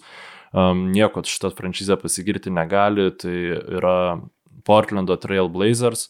Aš net sakyčiau, gal jie šiek tiek man jau pradeda priminti nežinau, vakarų konferencijos Indianos Pacers, kur atrodo kažkurio sezono metu tai yra žiauriai daug žadanti komanda su beprotiško talento žaidėjų. Tai ne, neturi Indianos Pacers, ne, ne, nebiški panašaus į Damieną Lillardo kalibro, kalibro krepšininko, tačiau kad ir kaip tu komplektuosi, kad ir kokius tu pokyčius darysi komandoje tarp sezonį, mainų metu ar, ar, ar panašiai na visien gynybos jinai neturės ir tas polimas galiausiai kažkaip atsimuša į sieną. Ir tai šį sezoną, sunku patikėti, bet 36-29 yra žymiai geresnis e, Portland Trail Blazers rezultatas negu šiaip turėtų būti pagal jų demonstruojamą krepšinį, tiesiog lemiamais e, momentais, na, e, jie sužaidžia geriau negu vidutinė lygos komanda. Kalbant būtent apie lemiamus momentus, pradžiai, per visas rungtynes Portlando Trail Blazers atlieka 20,9, tai yra pirmas skaičius. Rezultatyvių perdavimų per rungtynes tai yra mažiausiai visoje NBA lygoje. Antras skaičius yra 2,65, tai yra jų rezultatyvių perdavimų ir klaidų santykis clutch situacijose. Plius minus 5 mažiau negu 5. Uh, jų reitingas tose minutėse yra 27,9 pliusinis. Jis yra antras geriausias visoje lygoje ir tas jų ISO krepšiniu paremtas žaidimo stilius būtent tomis lemiamomis akimirkomis jiems leidžia A. nepraradinėti kamolių ir B. tokiu būdu žaisti labai labai efektyviai būtent polime. Trečias skaičius yra 6,8. Tai yra antras aukščiausias pergalių indėlio arba win share rodiklis visoje komandoje, 19 rezultatas visoje lygoje, top, top 20 pagal pergalių indėlį. Ir tas rezultatas priklauso, įsijungsiu net vaizdą, kad pamatyčiau tavo, tavo akis, kai išgirsi, Enesui Kanteriui. Tai yra antras produktyviausias Portlando Trailblazers krepšininkas šiame sezone. Na, jis turėjo labai gerų atkarpų, kai nežaidė Nurkičius, rinko kamuolius, kaip, kaip atkovotų kamuolius ir bet... Skaičiai, ta prasme, jeigu tu ir vertintum krepšinį visiškai jo nežiūrėdamas, Enesas Kanteris būtų žymiai aukščiau negu e, nu, centrų vertinime, negu jis yra šiuo metu ir tu nesuprastum, kodėl jisai, sakykime, negauna normalaus kontrakto, kodėl jo, jokia lygos komanda nenori ir kodėl jis lemiamais momentais nežaidžia. Sak, Kanterio blogumas gynyboje jis yra labai labai labai didelis. Tai yra vienas blogiausiai besiginančių centrų ir jo gebėjimas atkovoti kamolius niekiek to nekompensuoja. Bet taip polime, tai yra, jis yra tiek blogas gynyboje, yra taip gaila matyti jo tą talentą polime ir galvot, kiek tai yra išvaistytas krepšininkas. Ir man visiems yra sunku įvardinti, dėl ko jisai, na, neatrado tos savo rolės gynybai, kurią atrado pakankamai nemažai strigusių tų centrų, nu, sakykime, Jonas Valančiūnas tikrai buvo krepšininkas, kurį labai sėkmingai išnaudojo žaidime 2 prieš 2, tačiau jis kažkaip sugebėjo surasti tą savo vietą ir galbūt ir galima apie Memphis Grizzlies e, pašnekėti. Komanda, kuri, na, antrus metus iš eilės žais įkrintamosiose, e, ko gero. Pernai buvo e, tas rungtynės prieš Portlando Trail Blazers, kuriuose pralaimėjo Nebent mano atmintis kažką jauna, bet liktais jos buvo, ar ne? Ne, ne, visiškai buvo. teisingai. Taip, ir, ir visiškai teisingai, visiškai su tavimi pritarė tau, su tavimi sutinka ir jau nekartą minėtas theringer.com prognozių skai, skaičiuotuvas. 98 yra pirmas skaičius, tai yra 98 procentai, jog mes pamatysim grizlius įkrintamosiose. Aukštesnį šansą turi tik viena komanda - 99 procentai, kad įkrintamosiose žais Golden State Warriors. Warriors. 24,2 yra antras skaičius, tai yra vidutinis komandos žaidėjų amžius. Jaunesni už Grizzlius šiuo metu yra tik Oklahoma Thunder ir Minnesotos Timberwolves, kurių tikslai yra visiškai kiti ir nepalyginami su Memphis klubu. Ir 42 yra vidutinis laimėtų rungtynių procentas, kurį fiksuoja varžovai likusiame Memphio komandos tvarkaraštyje. Lengviausia likusi sezono dalis vakarų konferencijoje ir atrodytų, jog, na, vos neraudonas kilimas į bent jau įkrintamasias, o sėkmės atveju žiūrėk galbūt ir, ir uh, iškopti dar aukščiau, jeigu tai, tai dar matematiškai jiem įmanoma, bet jiem turėtų labai daug sukristi dalykų super palankiai, jeigu manęs neapgauna atmintis. Nu, jie turėjo labai liūdėti, kad Lakers e, laimėjo prieš Denverio Nuggets, nes, na, turbūt Lakers yra ta komanda, į kurią taikosi visos įkrintamųjų e, vakarų konferencijos komandos, bet aš nu, niekiek nebejoju, kad e, neturėtų pavykti Grizzliam to padaryti, nepaisant to lengvo grafiko. Golden State Warriors Jo, skir skirtumas yra tiesiog per didelis, kad jie pasiektų penktą, šeštą vietą. ketverios su pusė rungtynių tas uh, NBA skaičiavimų ir tai yra likus jiems sužaisti vos aštuonerias rungtynės. Nu, čia būtų ko kolapsas iš turėtų- Lakers pusės Jo, neįtikėtinas. pralošti faktiškai beveik viską. Turėtum pralaimėti. Na, vienas septyni, jeigu būtų tavo rezultatas, Memphio būtų uh, šeši du. Tuomet jo, tuomet Memphis aplenktų Lakers. Tai, tai vat, Man toks turi labai, būti tas lab- skirtumas. labai patiko tavo veidas darant elementarią matematiką. Čia yra toks e, memo potencialas, žinai. Nu, matai, tiesiog, kad būtų penkių bent jau pergalių skirtumas. Tai bent jau tiek turėtų būti. Uh, wow! Ką tik tai, ką tik tai prieš uh, valandą. Ketverių metų 13,6 milijono sutartį su Pala. New Yorko Knicks A. pasirašė Luka Vildosa. Uh, Cool. Argentinietis, kuris žaidė už Baskoniją. Jo. Ir dabar vy- vyks į NBA lygą ir, ir ketverius metus. Em, Keturi metai 13,6. Čia, wow. čia bus, žinok, Gabrielio Deko variantas, man atrodo, kad e, iš tų pinigų gali būti labai didelė dalis Mhm, ne, mhm. negarantuotų, tai um, Visiškai dabar, dabar yra labai populiaru tokius kontraktus pasirašinėti. A, Na, neturėjau progos parašyti vienam iš basketinių žmonių, kurie realiai supranta apie tą Mhm. krepšininką, tai nieko turbūt nekomentuosim, e, pasiliksim turbūt gal netgi ateinančiam sezonui, E, Jo, nebent, jo. nebent įsiintegruotų į, į, rotaciją šitas krepšininkas. O Šiaip... šiaip Šitam sezonai jis, jis jau negalėtų žaisti atkrintamosiose. jau a, viskas, jis- ne? Jo, tas, tas, tas registravimo uh, limitas jau seniai praėjo. Tad jis galėtų teoriškai turbūt reguliario sezono pabaigoje pažaisti, bet... Ka, Mm, Gaila, gaila. Um, kom, kalbėjau apie Kanterį, kuris, sakykime, tikrai yra daugiau turbūt, e, na, Portlando klubas yra vienas iš nedaugelio, kuris galbūt jis yra ir teigiamas centras. E, ironiška, kad e, kita komanda, tai Golden State Warriors, yra vis dar atkrintamųjų paveikslą, turbūt tik dėl to, kad jų pagrindinis e, centras e, gavo e, se- sezoną užbaigiančią traumą. Tai be Weizmano Warriors yra kur kas geresni negu su juo ir net ir tos rungtynės, kurias laimėdavo Warriors žaidžiant Weizmanui dažniausiai būdavo laimimos per tas minutės, kuomet Weizmano aikštelėje nebūdavo. Kokie skaičiai? Pirmas skaičius, kurį užsirašiau už vakar, buvo 291. Tiek tritaškių šiam sezone per 56 žaistas rungtynes buvo pataikęs Stefas Curry.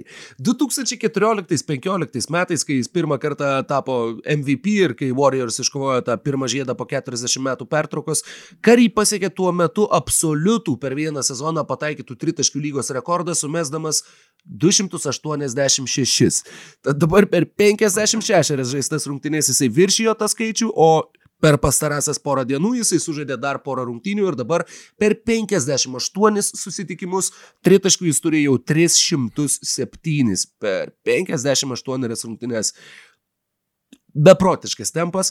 Kitas skaičius yra kiek liūdnesnis, tai yra 6,7. Tiek taškų per rungtynės vidutiniškai šiam sezone renka Dreymondas Greenas. Tai yra mažiausiai nuo 2013-2014 metų. Papildomas skaičius yra 25 procentai tritaškių. Tad uh, labai labai stipriai puolime iš, iš sakykime, taškų rinkimo pusės yra visiškai nugarmėjęs į bedugnę Dreymondas Greenas ir paskutinis skaičius yra 24. Tokiam, sakykime, savaitgaliniam NBA fanui Warriors visada asocijuosi su tritaškiais ir puolimu. Šiais metais jų puolimas yra 24, bet jų gynyba yra šešta ir viso savo, savo visos dinastinės uh, atkarpos metu tai buvo puikiai besiginanti komanda, bet kažkaip nieks į tai netkreipdavo dėmesio. Beje, daugiausiai tritaškių išmetančią lygos komandą Warriors per pastarąjį dešimtmetį tapo tik vieną vienintelį kartą. Ir tai buvo 2015-16 metai, kai jie taip pat nelaimėjo NBA čempionų titulo. Nes paskui atsirado Houstono Rockets, kurie tiesiog visiškai... Man atrodo, kad gal netgi ir prieš tai, gal ir 14-15 tai buvo Rockets, bet bijau su manu. Nes matai, nu, kai tu turi savo komandai Keviną Durantą, paskui jau tai logiška, kad tu ganėtinai daug metimų neišmesi iš, iš tritaškio. E, Kai nu, Durantas taip gerai pataiko iš vidutinio nuotolio, kad tai yra vienas iš nedaugelio krepšininkų, kuriam tai yra geras metimas. Durantas, Kawhi Leonardas, dar gal, galima būti Anthony. Dei- Anthony. Davisas jo. Um, nu jo, Jokičiui irgi iš pat kur yra metimas geras metimas, o šiaip turiu prisipažinti, kad uh, jeigu reiktų įvardinti komandą, kurios rungtynių aš mačiau mažiausiai šį sezoną, tai turbūt būtų San Antonijaus Spars. Tiesiog uh, vis nie karto rungtynės nebuvo žiūrimos, kad o įdomu, kaip jiems sekasi, buvo visada žaidžia kažkas ir tu pamatai, kad yra San Antonijaus Spars. Tai daug kažką šiaip apie juos papasakoti negaliu, panašu, kad aš nemanau, kad Pelikans galėtų juos aplenkti, nors Lonzo Bolas grįžo su didelė rimta ugnelė, bet e, nemanau, kad kažkokių, kažkokią grėsmę jie Portlandui irgi turėtų kelti. Kaip tau atrodo ir ką tu esi pasiruošęs? San Antonijaus Spars, pirmas skaičius 62,6. Tai yra tas jau prieš tai ankstesniai tinklalaidės daly minėtas jų varžovų pergalių procentas likusiame tvarkaraštyje.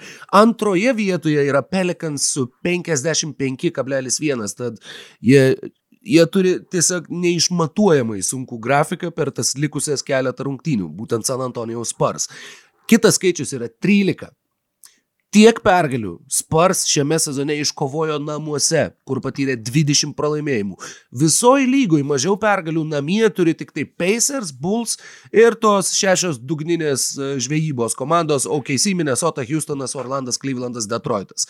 E, prieš įkrintamasias Spars nebent gali pasidžiaugti, kad išvykoje jų rezultatas yra 18-13, kadangi panašu, jog jeigu jie bus įkrintamosiose, jie bus e, ne, ne savoje arenoje, tikėtina. Ir paskutinis skaičius yra 5, tai yra 5 šiame sezone pralaimėti pratesimai. Visos Spurs žaidė net 7 pratesimus, o tiek pratesimų pralošė, be jų tik tai Minnesota Timberwolves, kurių rezultatas pratesimuose buvo 0 ir 5. Um, ir apie Naujo Orleano Pelikans dar turi kažką, ar ne, pasiruošęs?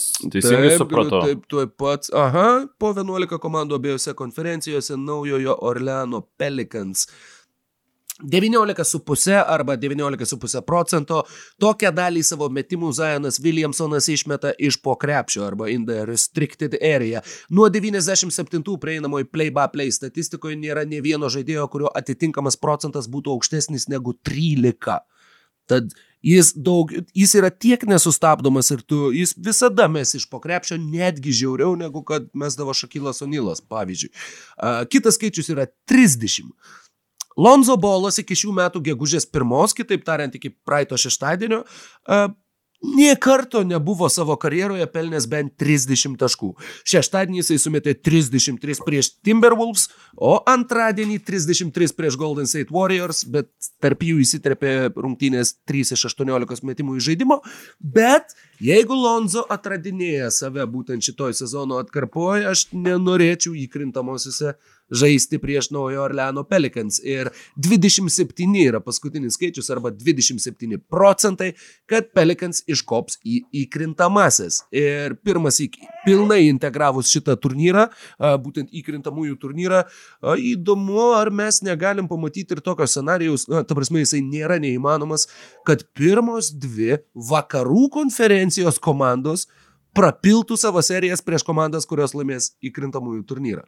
Um, galėčiau pastatyti pinigų, kad taip nebūtų. Esu pakank, pakankamai. Tas, tas santykis turėtų būti pakankamai beprotiškas, na, ta prasme, to tikimybė yra tikrai nedidelė, bet tikimybė yra.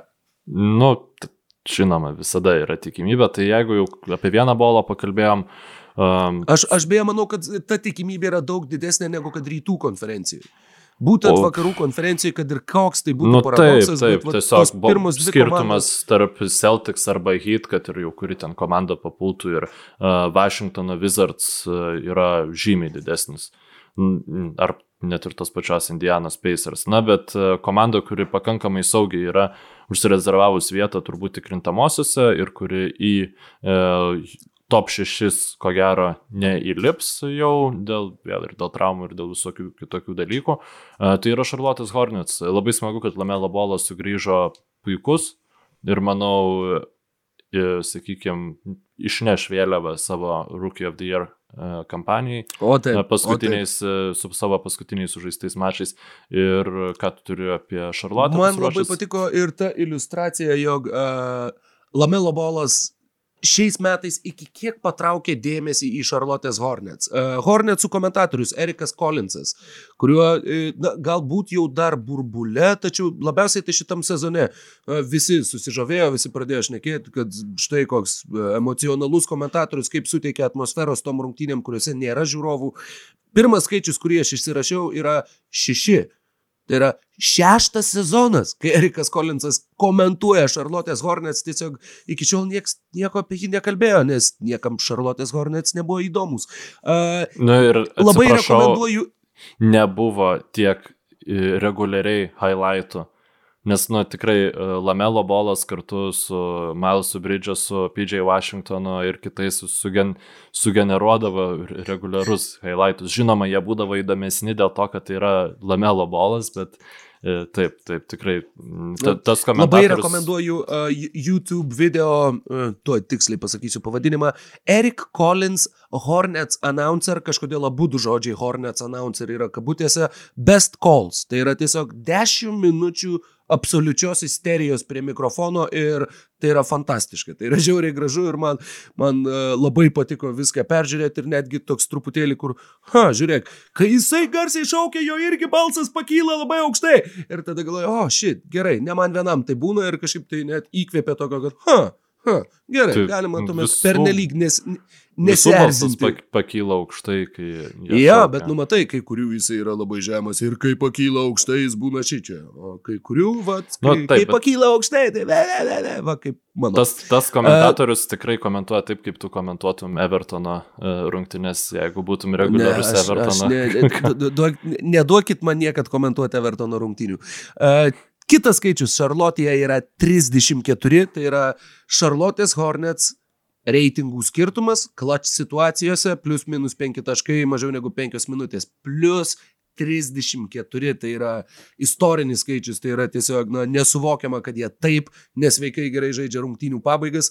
Būtų labai įdomu pamatyti, va, Šarlotė, tarkim, su Bostonu, kur va, tas kontrastas milžiniškas, milžiniškas, kur vieni žiauriai gerai žaidžia, kiti žiauriai blogai žaidžia tas pabaigas. Ar tarpusavio rungtynėse iš tikrųjų, arba tarpusavio Tai serijoje buvo- tai taip ryškiai pasimatytų? E, Pakankamai neseniai buvo tas savaitgalio mačas vadinamas, man atrodo, šį, e, jo, aš dar turėjau progos jį pažiūrėti, Bostonas prieš Šarlotę ten žaidė ir buvo, blembo, gal prieš Phoenixą, gal atsiprašau, Nu, nesvarbu, eik prie kito, prie kito skaičiaus atleisti. Kitas skaičius yra 14.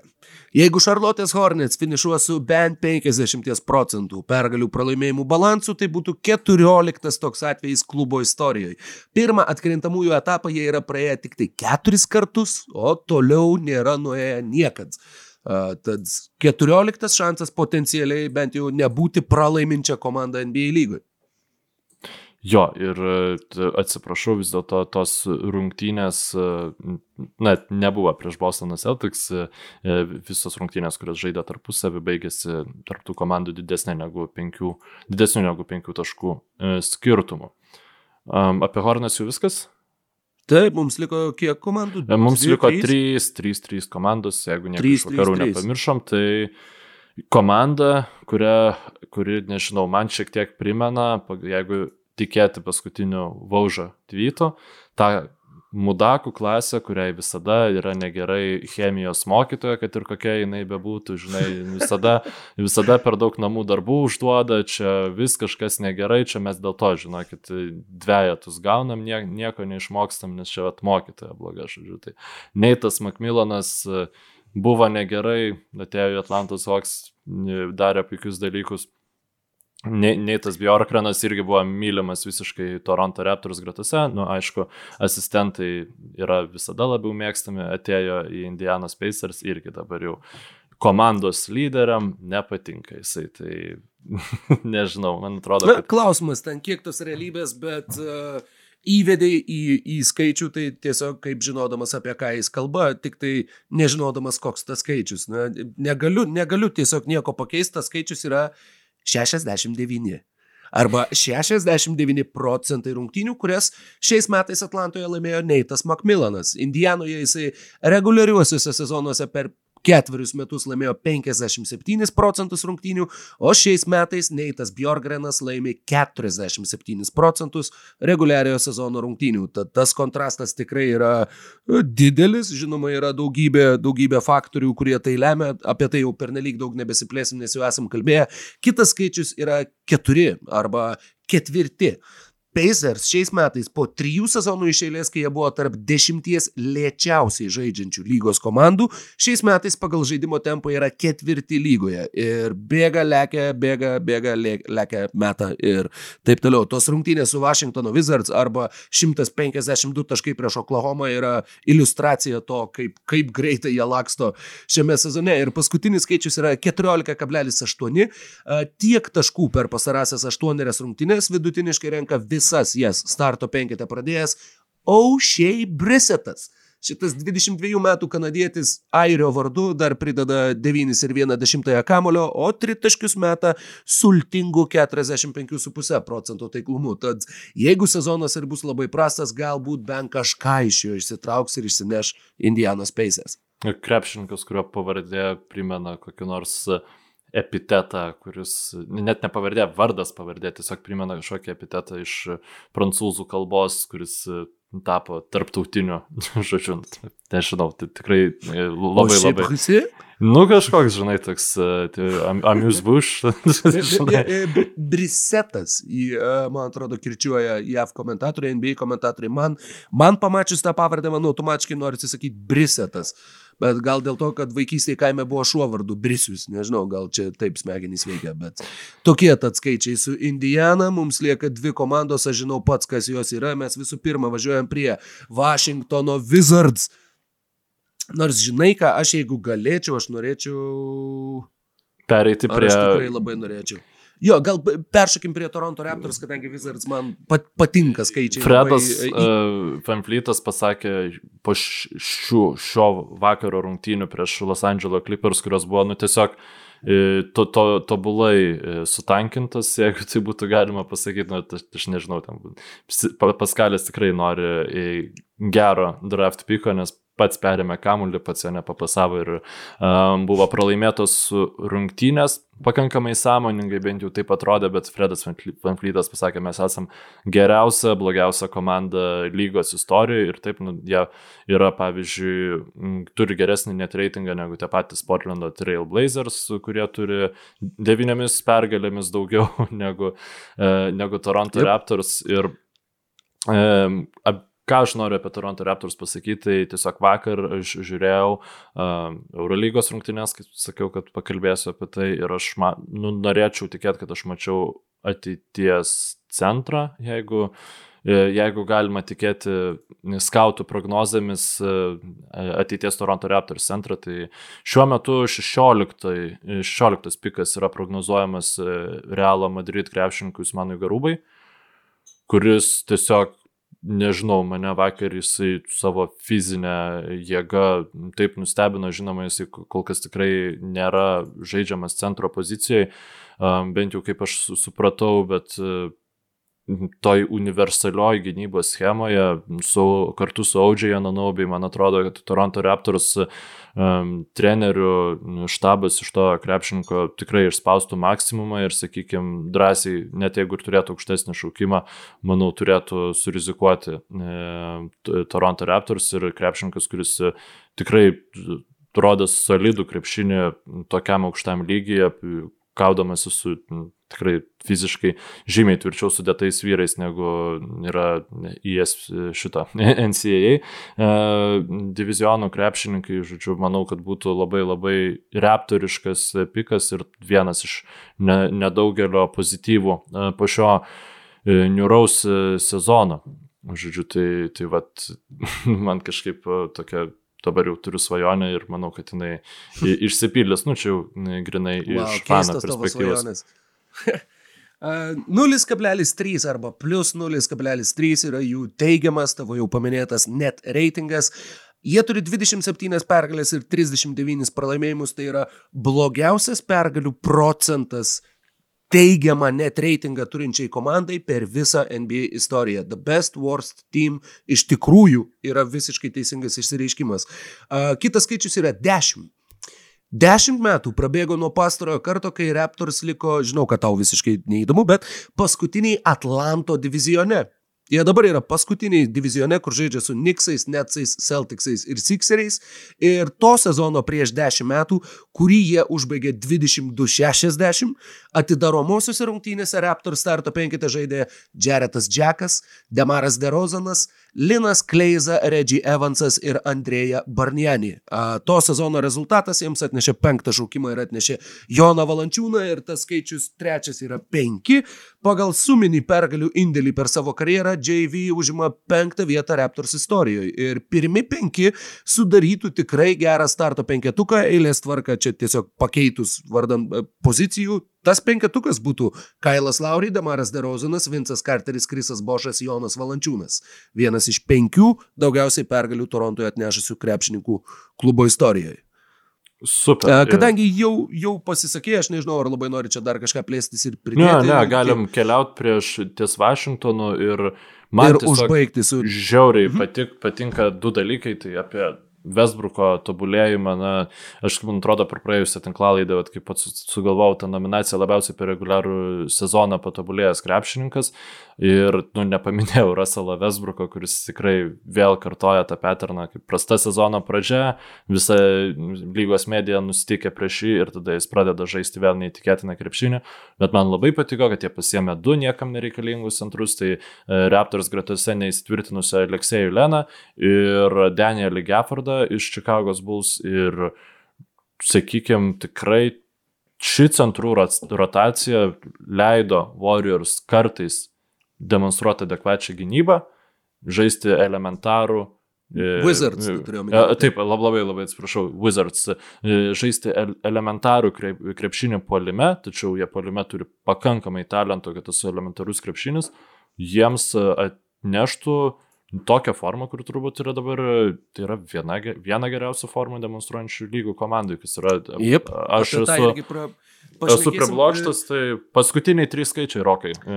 Jo, ir jeigu nesumeluosiu dar prieš tai skaičiaus, aš neatsimenu, bet man atrodo, kad krepšininkas, kuris, uh, kurio trauma kainavo daugiausiai to paties pergalių indėlio arba win shares kažkuriam klubui lygoje šiame sezone, yra Tomasas Bryantas iš Washingtono Wizards, uh, jog būtent to centro netektis jiem atsiliepia labai labai skaudžiai. Pirmas skaičius yra 2 arba antras. Scottas Brooksas teigia, kad Russellas Westbrookas yra antras geriausias įžaidėjas NBA istorijoje po Magiko Johnsono. Mykolai, kiek tu paminėtum įžaidėjų, vardindamas geriausius visų laikų įžaidėjus, kol prieitum iki Westbrooko? Na, bent apytiksliai, kad per ilgai neišsiplėstumėm. Šį sezoną žaidžiančių įžaidėjų paminėčiau geresnių negu Russellas Westbrookas, tai, nu, Kari Lillardas, Krisas Polas, Kairi Irvingas, atsiprašau, jau sakiau, ir Jamesas Hardenas, kuris, nu, šiaip irgi vis dėlto yra labiau įžaidėjas. Nu, sorry, taip, Russellas Westbrookas žaidžia labai gerą krepšinį, tačiau, nu, mes jau galim ko tikėtis iš Westbrooko, tai nepastovumo. O vis dėlto pastovumo geram žaidėjui reikia, nes jeigu žaidėjas yra, sakykime, turi prastas rungtynes, tai dažniausiai visa komanda turi prastas rungtynes. Tai ne, aš Antras nežinau, skaičius. Nesutinkia. Sutinku visiškai. Ir taip, jo, šiuo metu yra lygoje geresnių žaidėjų negu, negu Westbrookas. Antras skaičius yra 108. Tai yra Washingtono Wizards gynybos reitingas balandžio mėnesį. Šitame laikotarpyje jų rezultatas buvo 12 pergalių, 5 pralaimėjimai, jų gynybos reitingas buvo trečias lygoje, o Scottas Brooksas gavo geriausio rytų konferencijos mėnesio trenerio apdovanojimą pirmą kartą po 38 mėnesių pertraukos. Čia yra. Būtent, būtent Washingtono Wizards klube. Nesvarbu, kas nutiks likusi sezoną, man čia yra netikėčiausias dalykas, aš kažkaip šitą uh, faktą praleidau, bet kad Bruksas bus geriausias mėnesio treneris. Nu, Nes Wizards turės trečią geriausią gynybą lygą. Čia yra. Ta mėnesį. Ta prasme. Taip, tai yra, tai yra kažkas visiškai neįtikėtino, ypač atsižvelgiant į, į pirmenybių pradžią. Paskutinis skaičius yra aštuoni Tokio ilgio laimėtų pergalių seriją Wizards turėjo balandžio mėnesį, aštuonios pergalės iš eilės. Pastarąjį kartą tokio ilgio seriją jie turėjo, kai laimėjo devynis susitikimus pailiui, kuriuose po 21 taško iš žaidimo atakuodamas 40 procentų taiklumu ir nepataikęs nei vieno iš penkių tritaškių per tas devynerias rungtynes, Wizardam rinko Michaelas Jordanas. Tai buvo 2001 metų gruodis ir tame sezone jie neišėjo į atkrintamasis. Pabaigai, tavo norėčiau išgirsti spėjimą atkrintamųjų, kas žais atkrintamosiose. Kai jau apkalbėjom visas tas komandas, prašau, arba gali įvardinti, jeigu bus paprašiau komandas, kurios nežais atkrintamosiose. Po visko. Visiškai dabar nebuvau aš pasiruošęs. Tai jeigu tu būtum pasiruošęs, būtų neįdomu. Aš noriu impulsyvaus Aha. tiesioginio atsakymo, nes mane užkniso, kad tu viską atsakai teisingai. Tai spėjai teisingai, tai duodu dar tau progą spėti neteisingai pagaliau. Rytuose Celtics ir, ir Wizards Ir, nu, žais, žais. Jo, įkrint, ir... Praeis įkrintamasias ir žais, žais atkrintamosiose. Blemba, tai pala, kaip čia turi tada gautis? Jie vis dar turi aplenkti. Indiana ir Charlotte gaus, jo, Indiana ir Charlotte gaus e, tame mini turnyre ir Wizardai ir Celticsai eis, eis į viršų. Vakaruose, nu, va, dar labai įdomu, kaip čia su tais Lakeriais bus.